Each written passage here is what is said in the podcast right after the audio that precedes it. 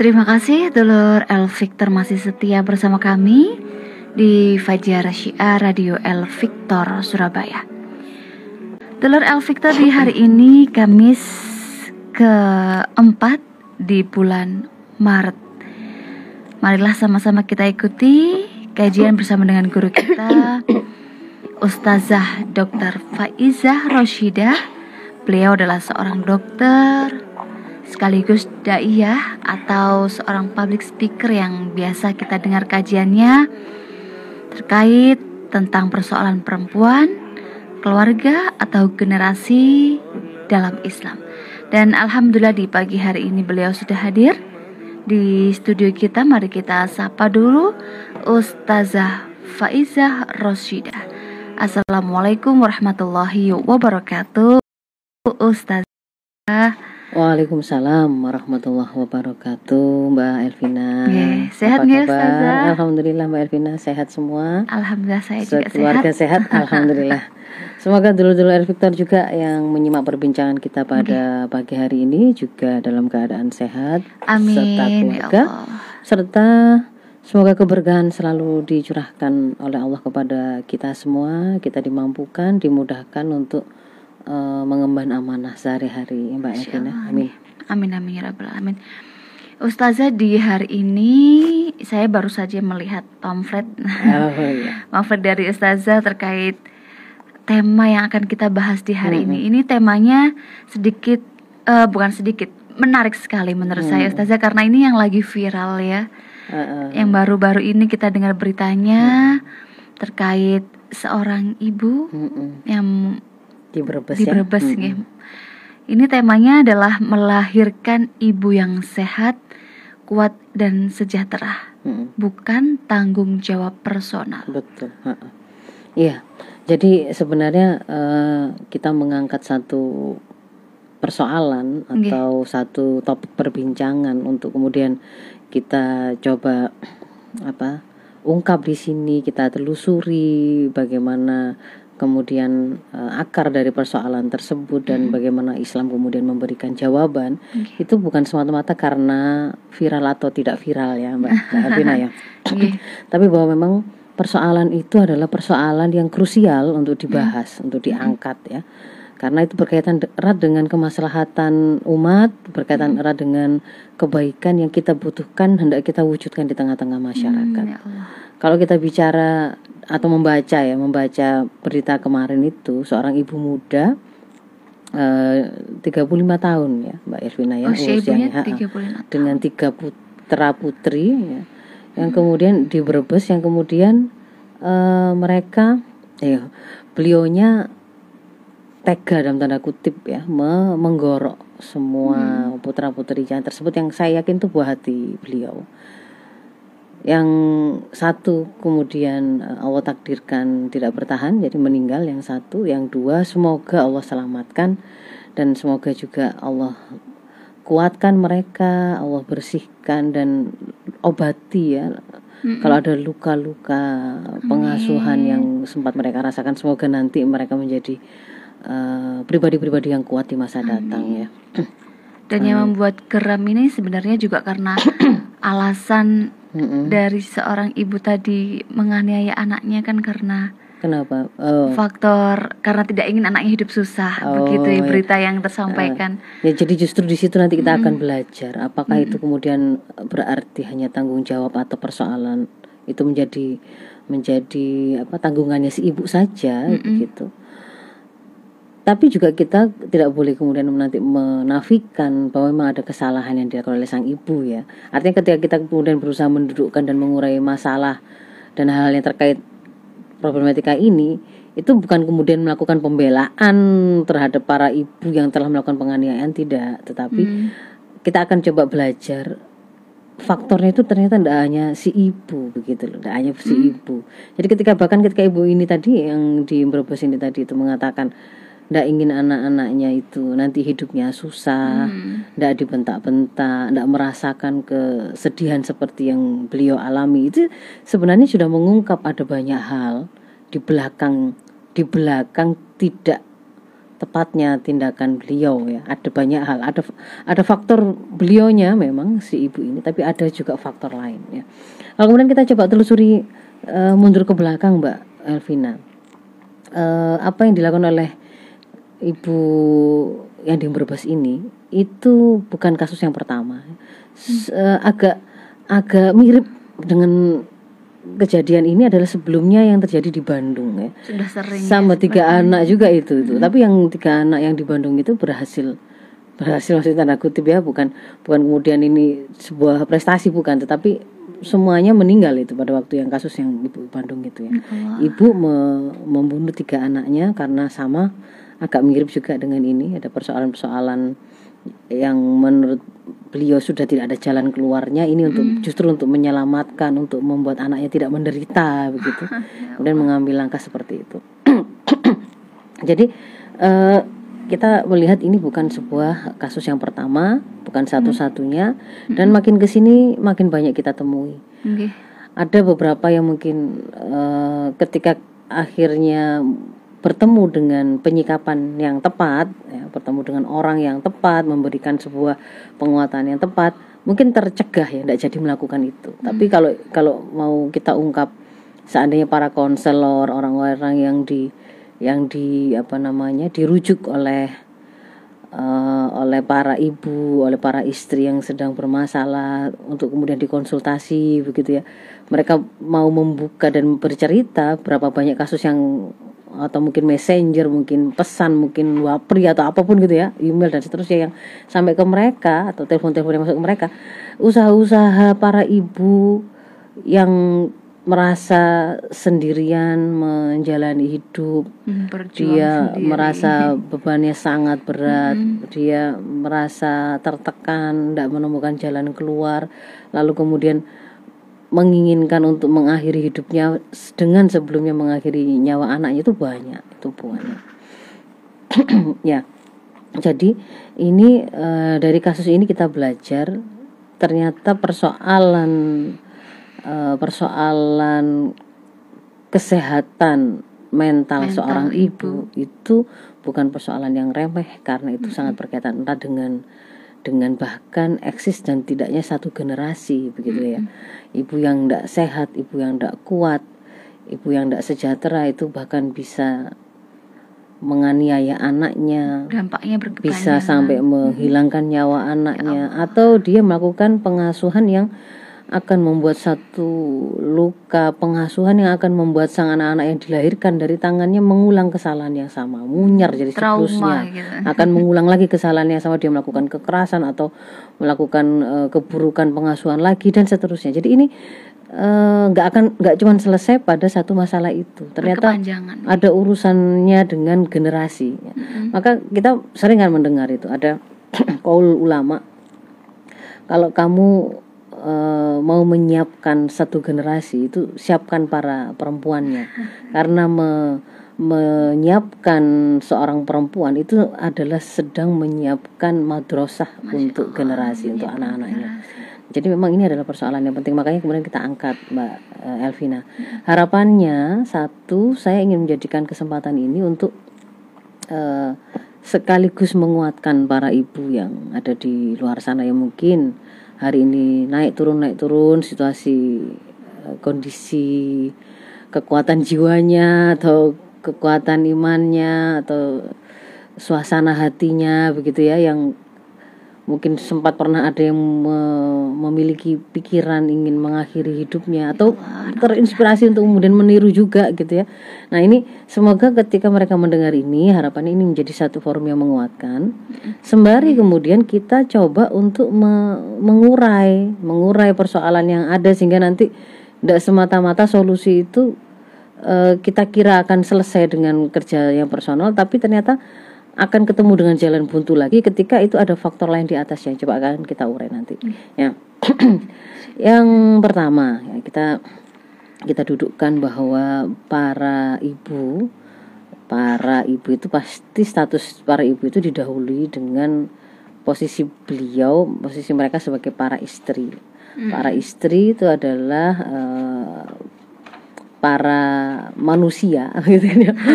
manusia sebagaimana kaum laki-laki dan kemudian oleh Allah berikan sebuah kekhasan kekhasan sifat-sifat tertentu yang itu menjadi kekhasan para perempuan ya Pak dengan feminitasnya yang itu berbeda dengan maskulinitasnya laki-laki sehingga kita uh, memahami bisa kita dudukkan bahwa uh, para perempuan itu selain dia itu membutuhkan apa dia punya fisik yang harus dipenuhi kan begitu hmm. kan ya hmm. kebutuhan fisik ya, kesehatan fisiknya organ-organnya sehat makanannya tercukupi gizinya tercukupi makan minum pakaiannya uh, terpelihara dia bisa istirahat yang cukup ada tempat tinggal yang bisa membuat dia merasa merasa pulang bisa istirahat recovery dari segala ke apa namanya kelelahan kelelahannya itu memang satu kebutuhan tertentu fisik ya tapi dia juga uh, adalah makhluk yang memiliki rasa memiliki naluri ya.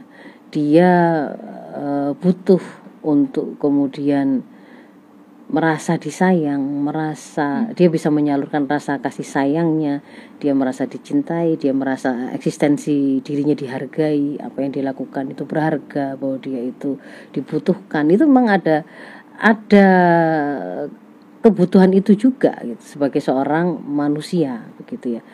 Dia butuh untuk terkoneksi dengan orang lain karena hmm. dia adalah makhluk sosial.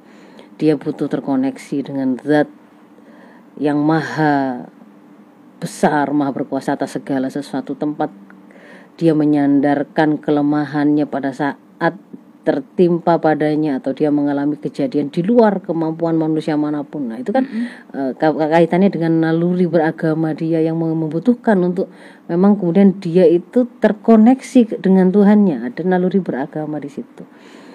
Ada kebutuhan uh, juga eh, bahwa dia itu punya akal begitu kan ya dia punya akal hmm. yang akal ini akan membentuk pemahaman sehingga dia juga membutuhkan asupan-asupan uh, sakofa pengetahuan ilmu yang akan me menuntun dia yang akan menjadi guidance bagi dia ketika kemudian dia mau melakukan satu amal ketika dia mau memenuhi kebutuhan-kebutuhan nalurinya kebutuhan jasmaninya ketika dia mau mengelola emosinya itu memang itulah manusia gitu ya. Itulah perempuan. Sebagaimana laki-laki dia juga seperti itu. Nah ketika kemudian kita menginginkan agar eh, ibu-ibu ini tuh sehat ibu-ibu ini sehat gitu ya. Sehat dalam arti ya fisiknya mental. mentalnya jiwanya nalurinya mm -hmm. dan kemudian juga uh, akalnya waras gitu ya. Insightnya itu waras bukan Sehat. bukan kemudian terputus dari dunia apa dunia luar. Dia hidup dalam alamnya sendiri seperti orang-orang yang apa orang-orang yang kurang sehat. Itu kan itu berarti semua semua kebutuhan-kebutuhan tadi itu memang harus dipenuhi. Semua kebutuhan-kebutuhan tadi harus dipenuhi mbak mbak Elvina. Kalau kemudian ada ketidak lengkapan ketidak ketidak terpenuhan memang bisa jadi akan membuat masalah kan begitu kan ya jadi jiwa yang tidak pernah terisi dengan kuat dengan kasih sayang tidak pernah merasakan uh, pelukan, ciuman, bagaimana sih ekspresi rasanya disayang itu seperti apa, maka dia akan kesulitan mengekspresikan rasa sayang juga. Hmm. Ketika yang dia dengar itu hanya kalimat hardikan, makian, hinaan hmm. gitu ya dia akan kesulitan untuk mengeluarkan lisannya itu kalimat-kalimat pujian hmm, atau mengapresiasi kan begitu kan ya yang menunjukkan uh, perhatian, afeksi dan seterusnya. Jadi dia uh, kalau kemudian kita bicara ini sudah ibu, sudah ibu-ibu sudah pada status sudah menjadi ibu-ibu, maka ini sebenarnya harus kita ingat prosesnya itu uh, bukan dimulai sejak dia jadi ibu menjadi tapi, seorang istri. Ah, bukan sekedar dari sejak dari ibu istri juga bahkan bahkan pembentukan kepribadian itu kan sebenarnya sejak dia itu dilahirkan di dunia lalu hmm. kemudian dia diasuh dengan pola asuh dan pendidikan oleh orang tuanya di masa-masa awal eh, kehidupannya lalu kemudian nanti kemudian dia dikenalkan dengan sebuah sistem pendidikan yang akan mencetak dia menjadi satu profil tertentu di satu sistem pendidikan. Dia mengenal lingkungan sekitarnya masyarakat itu hidup dengan cara seperti apa berinteraksi seperti apa sampai pada tataran itu dipengaruhi oleh kebijakan apa yang sedang uh, melingkupinya. Hmm. Apakah membiarkan orang-orang rusak itu merajalela? Apakah membiarkan para misalkan para predator anak itu kemudian ada di situ? Apakah memungkinkan seorang warga negara itu mendapatkan meraih apa namanya uh, kesejahteraannya dengan mudahnya dia mencari pekerjaan dan seterusnya itu tuh faktor itu tuh sudah ada gitu ya. Hmm. Nah, jadi uh, saya mau mengawalinya dulu sekarang ini dari titik yang sudah terlanjur jadi ibu ya. Yang tadi kan terlanjur. ini kan tadi kan saya katakan bahwa saya dudukkan dulu bahwa uh, perempuan tuh begini sebagai mm -hmm. manusia dia itu karakternya begini dia butuh begini dan proses untuk dia menjadi kuat itu tuh sebenarnya bukan bentukan hari ini hmm, bukan bentukan sejak dia jadi ibu dulu, atau istri tapi sejak dari dulu dia bagaimana dia dibesarkan dibentuk kepribadiannya dibangun kepribadiannya dikuatkan dan seterusnya nah tapi uh, kalau kemudian hari ini hari ini para sahabat teman dulur El Victor yang menyimak ini kemudian merasa ada pada situasi saya juga merasa sangat terpuruk saya merasa lemah hmm. saya merasa kayak enggak saya nggak berguna ketemu dengan satu pernikahan yang uh, kok suami uh, suami kayak kurang kurang sayang gitu ya ada hmm. banyak kalimat-kalimat uh, yang seperti itu yang dikeluarkan pada orang dari orang-orang yang seperti ini kan contohnya ibu yang di Brebes itu hmm. mengatakan dia hanya ingin disayang suami hmm. dia mau akan mengganti namanya dia nggak ingin anak-anaknya itu merasakan kepedihan hidup karena tidak merasakan kasih sayang dari orang-orang sekitar. Nah, seperti ketika dia katanya kemudian pernah dikurung oleh ibunya. Hmm. nah, jadi memang ada proses pembentukan yang sudah berjalan begitu. Nah sekarang saya belum bahas dulu yang dari awal itu yang sudah terlanjur ya. Nanti yeah. itu di belakang ada ada langkah yang harus kita lakukan. Tapi saya ingin memulainya dari titik di mana sekarang sahabat El Victor Dulur Victor yang mendengar ini ada yang sudah jadi ibu-ibu di sini. Ada yang mungkin ibu muda baru punya satu anak. Hmm. mungkin pernikahannya baru dua tahun tiga tahun. Ada yang mungkin sudah anaknya lima. Yang recel per tahun itu ada. Ada yang kemudian hari ini itu diuji dengan anaknya yang ada yang sakit ada hmm. yang tidak sehat begitu kan ya? Atau dia yang sakit atau dengan situasi hari ini ekonomi yang sulit suaminya mungkin dipecat dia juga kesulitan untuk bekerja dan seterusnya semua semua rumah tangga semua kehidupan kita itu pasti ada ujiannya mbak hmm. semua pasti ada ujiannya masing-masing semua yang hari ini mendengar saya hmm. kira semua juga bisa ngerogoh citok dewi-dewi ya, menyadari memahami masalahnya. memahami masalahnya sendiri-sendiri bahwa iya kita semua pasti menemui masalah hmm. ada yang persoalan itu terkait dengan akhlaknya suami, ada terkait dengan perlakuan mertua dan keluarga besar suami kan gitu ya. Mm-hmm. Ada yang ternyata kan ada yang stres itu karena dia dianggap disebut oleh mertuanya, kakak-kakak iparnya, adik iparnya pokoknya keluarga suami bahwa dia itu tidak becus. Hmm. nggak becus ngurus anak, nggak becus begini begini dan seterusnya seterusnya. Nah, ada yang persoalan itu lebih ke arah untuk makan besok ini nih ada hmm. ada ada bayi ada anak masih balita oh. itu yang kita selalu kebingungan mendengarkan Ekonomi. mendengarkan mereka menangis itu mengiris hati dan seterusnya, seterusnya begitu ya ya jadi memang ujian itu macam-macam macam-macam maka bagi ibu-ibu yang hari ini kemudian sempat merasa terpuruk dan merasa bahwa saya sudah tidak kuat gitu misalkan ya hmm. saya rasanya pengen menyelesaikan berhenti. hidup. Nah, saya saya ingin saya ingin selesai dan sebelum itu karena saya tidak yakin kalau anak saya nanti saya tinggal itu bagaimana hidupnya saya juga khawatir dia nanti malam mungkin akan ketemu dengan situasi yang sulit maka saya akan ajak dia untuk mati juga kalau ada ibu-ibu yang di antara yang mendengar ini pernah punya pikiran seperti itu.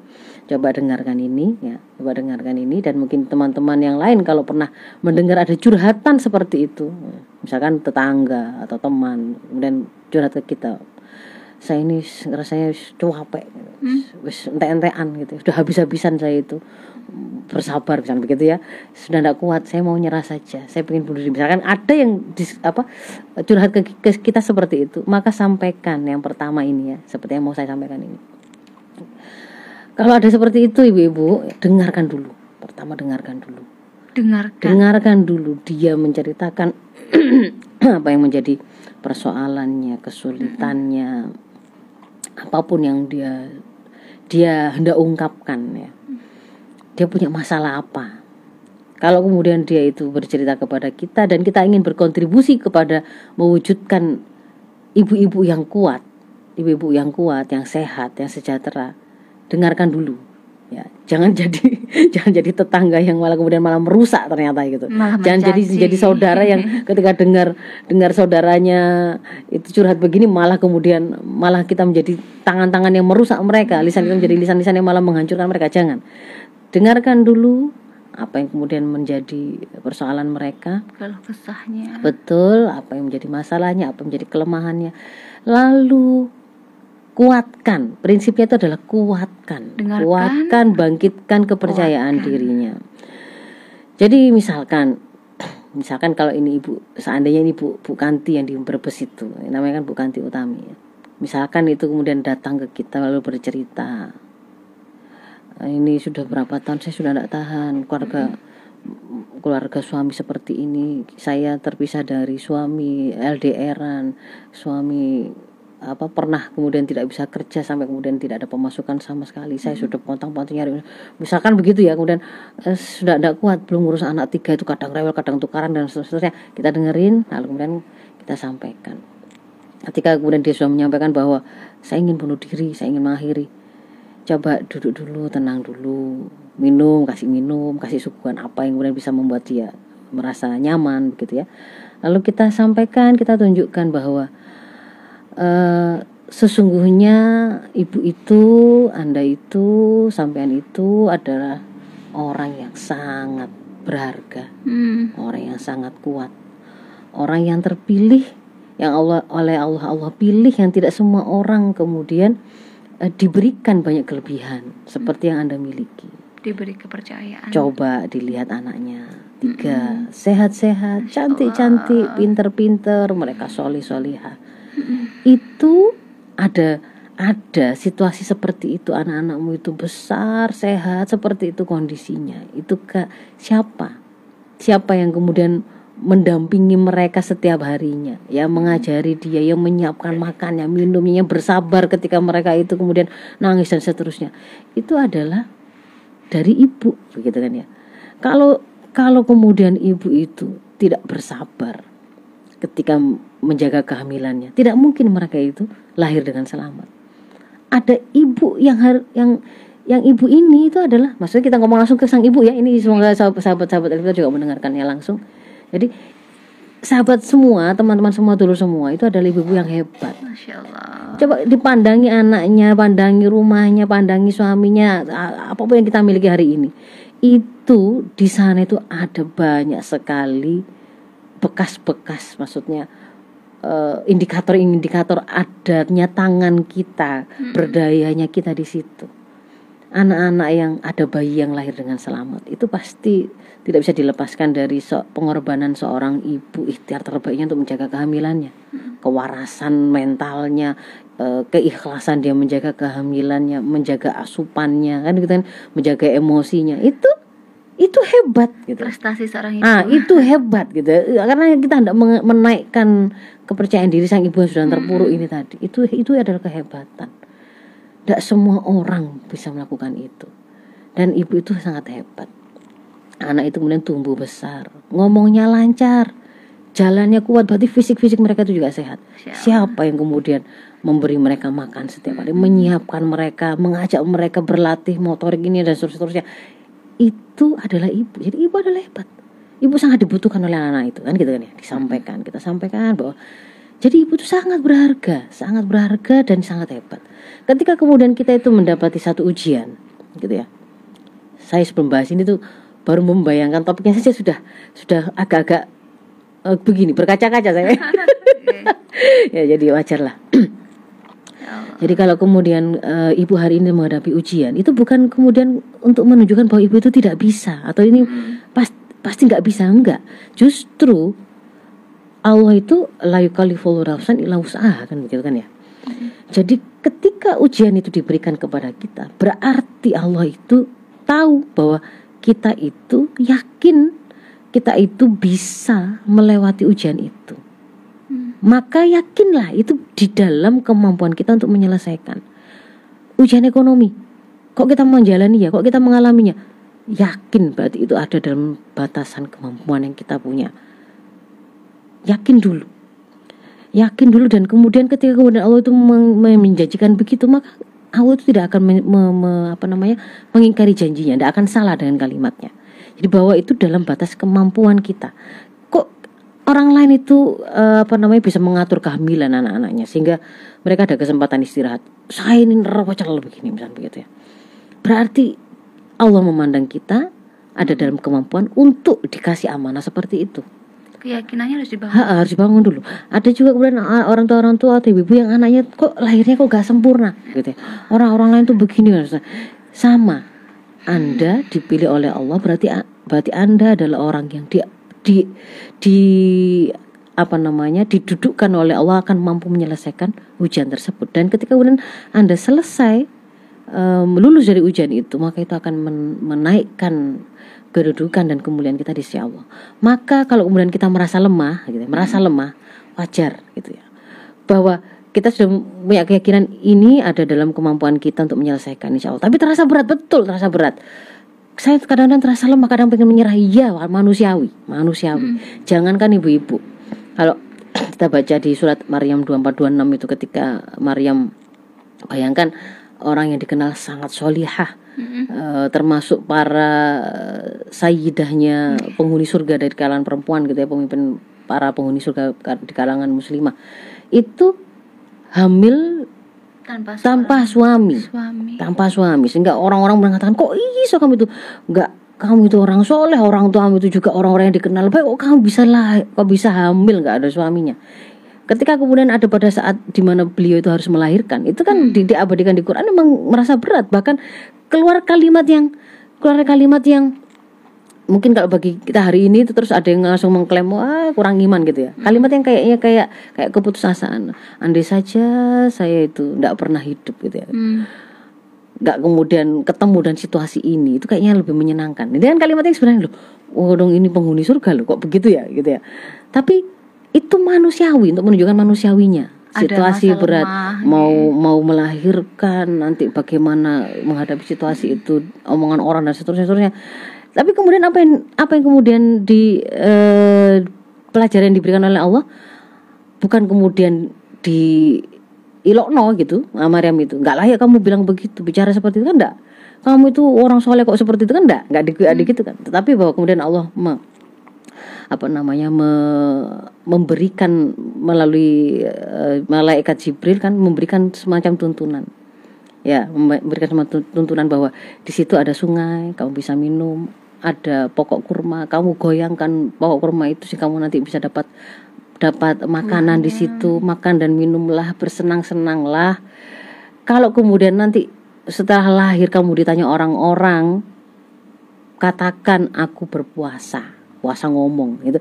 Artinya ini apa? Ada orang yang kemudian kalau ini masa kita ada ketemu dengan sebuah penyikapan yang tepat, orang datang seperti konselor memberikan arahan-arahan yang benar cara bersikapnya, hmm. itu akan menguatkan, bukan mem memurukkan, ya kan? Hmm. Kan bukan membuat si tambah terpuruk. Kurang iman panjang kamu itu, semuanya mudah menyerah kan nggak begitu. Tapi kita kuatkan, kita sampaikan begitu. Nah, jadi kalau kemudian ibu kembali kepada situasi hari ini, kalau ibu merasa berat, wajar, tidak apa-apa manusiawi tapi ingat, sebelum cari bantuan ke mana-mana untuk menguatkan, ingat sumber dari segala sumber kekuatan itu adalah Allah. Pemilik segala kekuatan yang bahkan selama ini tuh menguatkan kita itu siapa Allah gitu loh. Yang memberi kita kekuatan bisa berdiri, kita bisa makan, bisa minum, bisa bernafas, bisa ngomong, bisa ngeramut anak-anak kita itu Allah. Karena Allah. Maka ketika kemudian kita merasa lemah, segera kembali kepada Allah. Dulu, itu harus dulu gitu ya. Harus ke Allah dulu kalau kemudian merasa lemah, mau curhat, mau menyampaikan kelemahannya, disajadah, sholatlah. Kalau ingin Allah seperti Allah bicara kepada kita, bukalah Al-Qur'annya.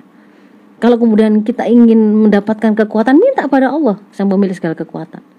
Jadi di situ, di situ nanti akan membuat sebuah situasi yang akan menguatkan kita karena kuah ruhiyah. Kalau Allah yang yang kita minta bahwa Dia adalah segala apa uh, zat yang paling berkuasa atas segala sesuatu.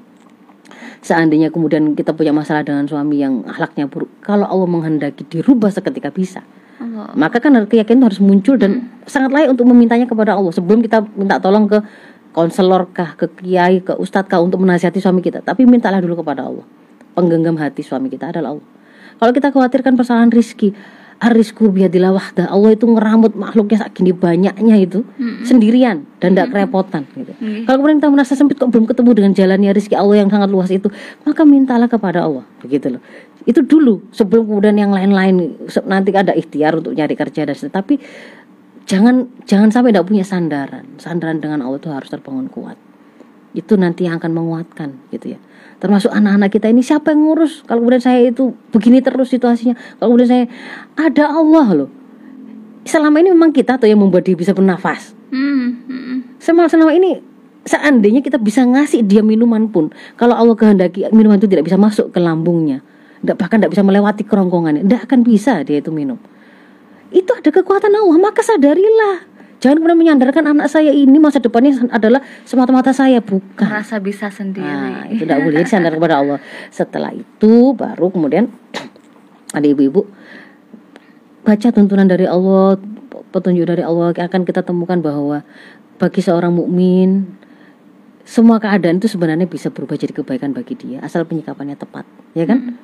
Kalau dia men- menghadapi situasi sulit atau berat, dia bersabar, maka itu menjadi kebaikan bagi dia. Allah. Kalau dia mendapatkan kesenangan, nikmat, kemudahan, situasi ringan, dia bersyukur, maka itu akan jadi kebaikan bagi dia.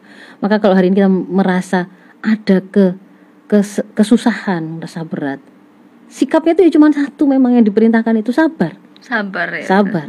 Sabar itu Dalam adalah sabar itu berarti bertahan untuk tidak sampai jatuh melakukan kemaksiatan meskipun berat masih meskipun butuh uang tapi nggak sampai kemudian memilih melacur ya. Sabar itu juga sabar dalam memegang ketaatan tetap bertahan untuk tetap taat. Meskipun suami itu bukan orang yang solih gitu nggak sholat gitu misalkan ya. Nggih. ketika kemudian di situ ada ada permintaan untuk dibuatkan minum misal begitu ya ada ada khidmah yang dibutuhkan itu memang haknya dia maka kemudian kita tetap untuk berusaha untuk sabar untuk melakukan ketaatan itu. Meskipun anak-anak itu banyak dan rasanya kok coba apa ya tetap harus dengan sabar ngeramut mereka begitu kan ya. Dan sabar yang jenis ketiga itu kan ketika memang itu adalah hal yang di luar kemampuan manusia tidak ada urusannya apa dengan ikhtiarnya manusia itu memang kodok dari Allah. Maka kita meyakininya itu adalah keputusan yang terbaik yang Allah berikan kepada kita. Pasti ada ada kebaikan yang Allah kehendaki di situ doa kita itu dikabulkan sesuai dengan permintaan kita itu kebaikan. Tapi kalau kemudian Allah itu eh, tidak mengabulkan doa kita tapi kemudian memilihkan yang lain itu juga kebaikan. Karena kan dua-duanya satunya Allah ridhoi satunya Allah pilihkan. Itu semuanya sebenarnya kebaikan begitu loh.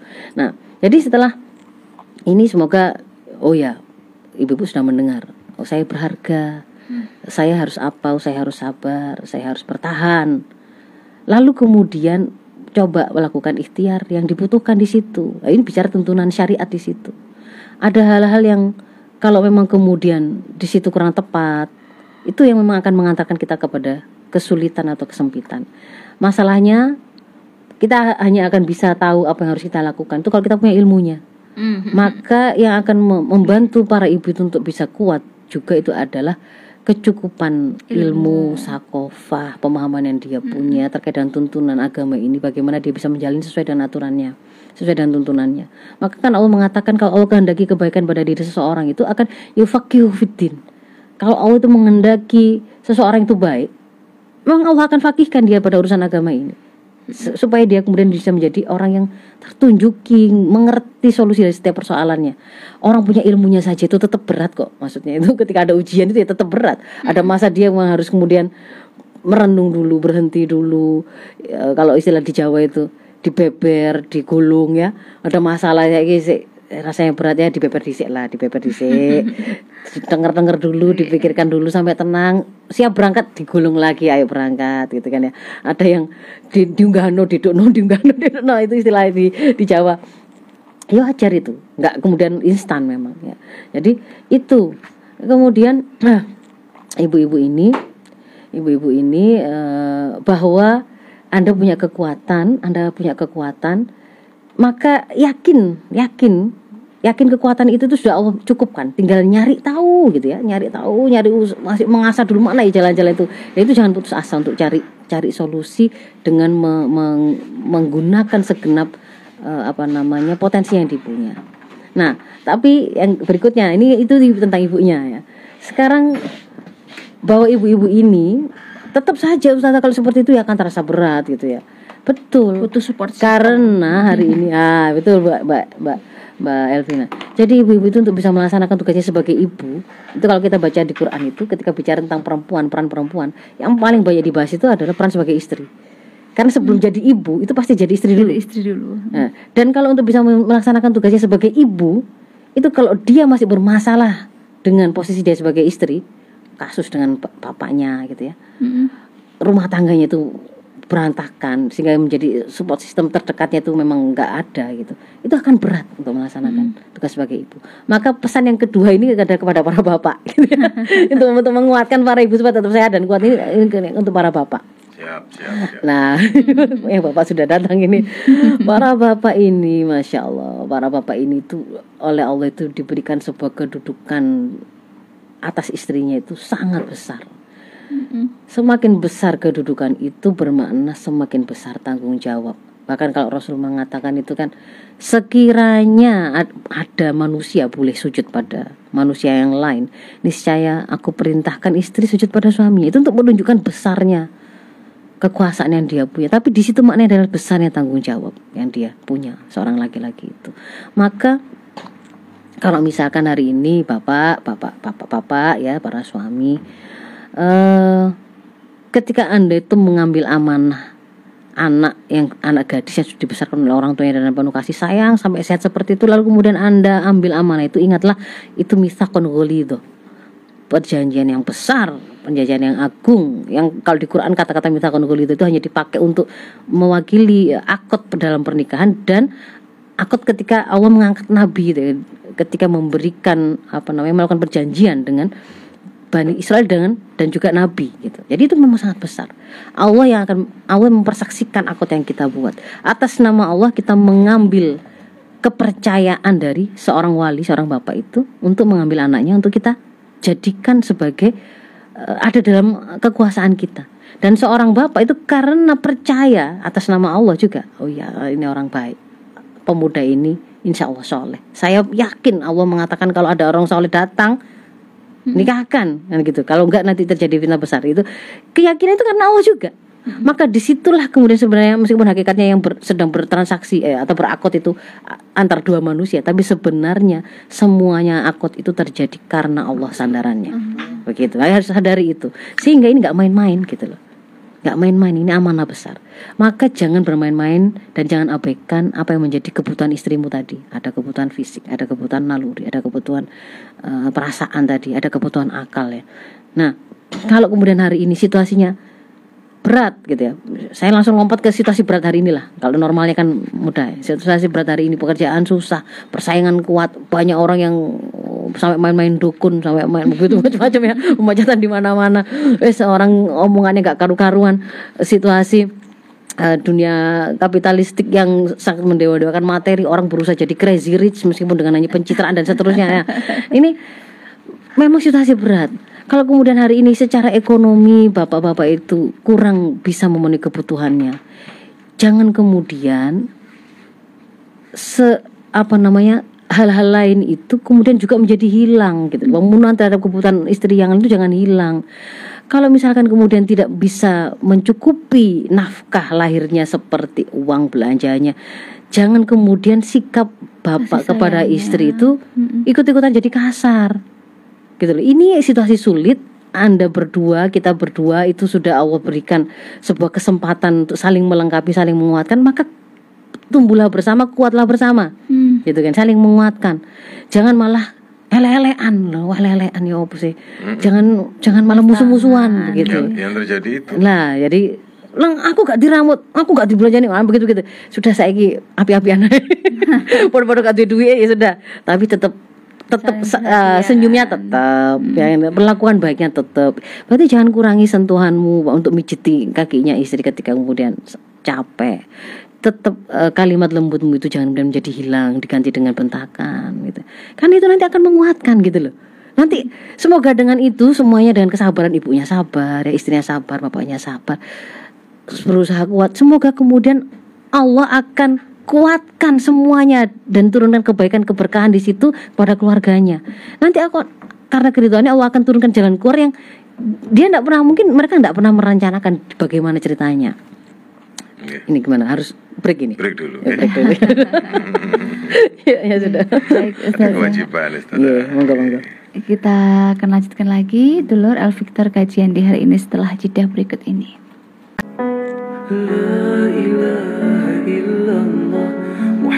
Dulur masih di Fajar Syiar Radio El Victor Surabaya bersama saya Elvina J. Ya, ada saya Helmi Ansori dan Ustazah Al. Faizatul Rasidah. Eh, pagi ini Iya. masih ada materinya pada waktunya tinggal sedikit ini. Tinggal sedikit ya, baik. Eh, tadi kita sudah sampai pada bagaimana menguatkan para ibu yang melibatkan eh, apa pihak ke kedua ya. Hmm. Jadi selain ibunya memang ada ikhtiar harus melakukan. Ada suami, ini adalah pemegang urusannya para istri, para ibu itu kewarasan para istri sangat ditentukan juga bagaimana perlakuan para suami kepada mereka. Kalau memang keadaan itu sulit, maka eh, prinsipnya saling menguatkanlah. Jangan kemudian malah justru justru kemudian wis karuan bubrah-bubrah saja. Wah. Kalau ada sudah punya bahtera Hmm. di tengah gelombang yang sedang meng, apa, menghadapi badai yang luar biasa, jangan mudah-mudah berpikir untuk ayo wis buyar. ayo buyar buyar gitu ya. Nyemplung dewe-dewe gitu. Belum tentu ketika kemudian eh, masing-masing itu menghadapi badai itu bisa bertahan. Oh iya. maka apa yang sudah dipunya itu pertahankan sebisa mungkin saling menguatkan. Ah, punyaannya itu kasih sayang, punyaannya itu kalimat-kalimat yang lembut, punyaannya itu adalah mungkin pijitan-pijitan yang bisa meringankan, maka itu jangan dikurangi, itu tetap berikan gitu ya. Meskipun uangnya nggak banyak, tapi kalimatnya itu yang sangat jangan eh, lupa. pujian-pujiannya itu ndak lupa, kalimat lembutnya ndak lupa, itu te- akan tetap menguatkan. Demikian pula dengan istri, meskipun uangnya ndak ada gitu ya, tapi hikmahnya tetap, penghormatan dan pemulihan terhadap suami tetap, bersabar untuk tetap dalam ketaatan, bersabar untuk tidak bermaksiat, meyakini bahwa kalau ada hal di luar ke kehendak mereka dan kekuatan mereka itu berasal dari Allah saja dan Allah menghendaki kebaikan di situ. Nah, itu yang kedua. Yang ketiga, orang-orang yang lebih besar di sekitar mereka ya. Supaya kemudian enggak nggak tambah jadi masalah dan malah membuat mereka terpuruk. Maka amannya itu ya. Kalau menemui ada saudara kita bermasalah, wis meneng wae wis lah. Maka kemudian kalau dalam Islam itu kan faliyakul khair auliyasmut. Auliyasmut. Kalau kamu milih ngomong, pastikan omonganmu itu baik. Ya. Kalau kamu nggak sanggup ngomong baik, wis meneng. Wis meneng wis.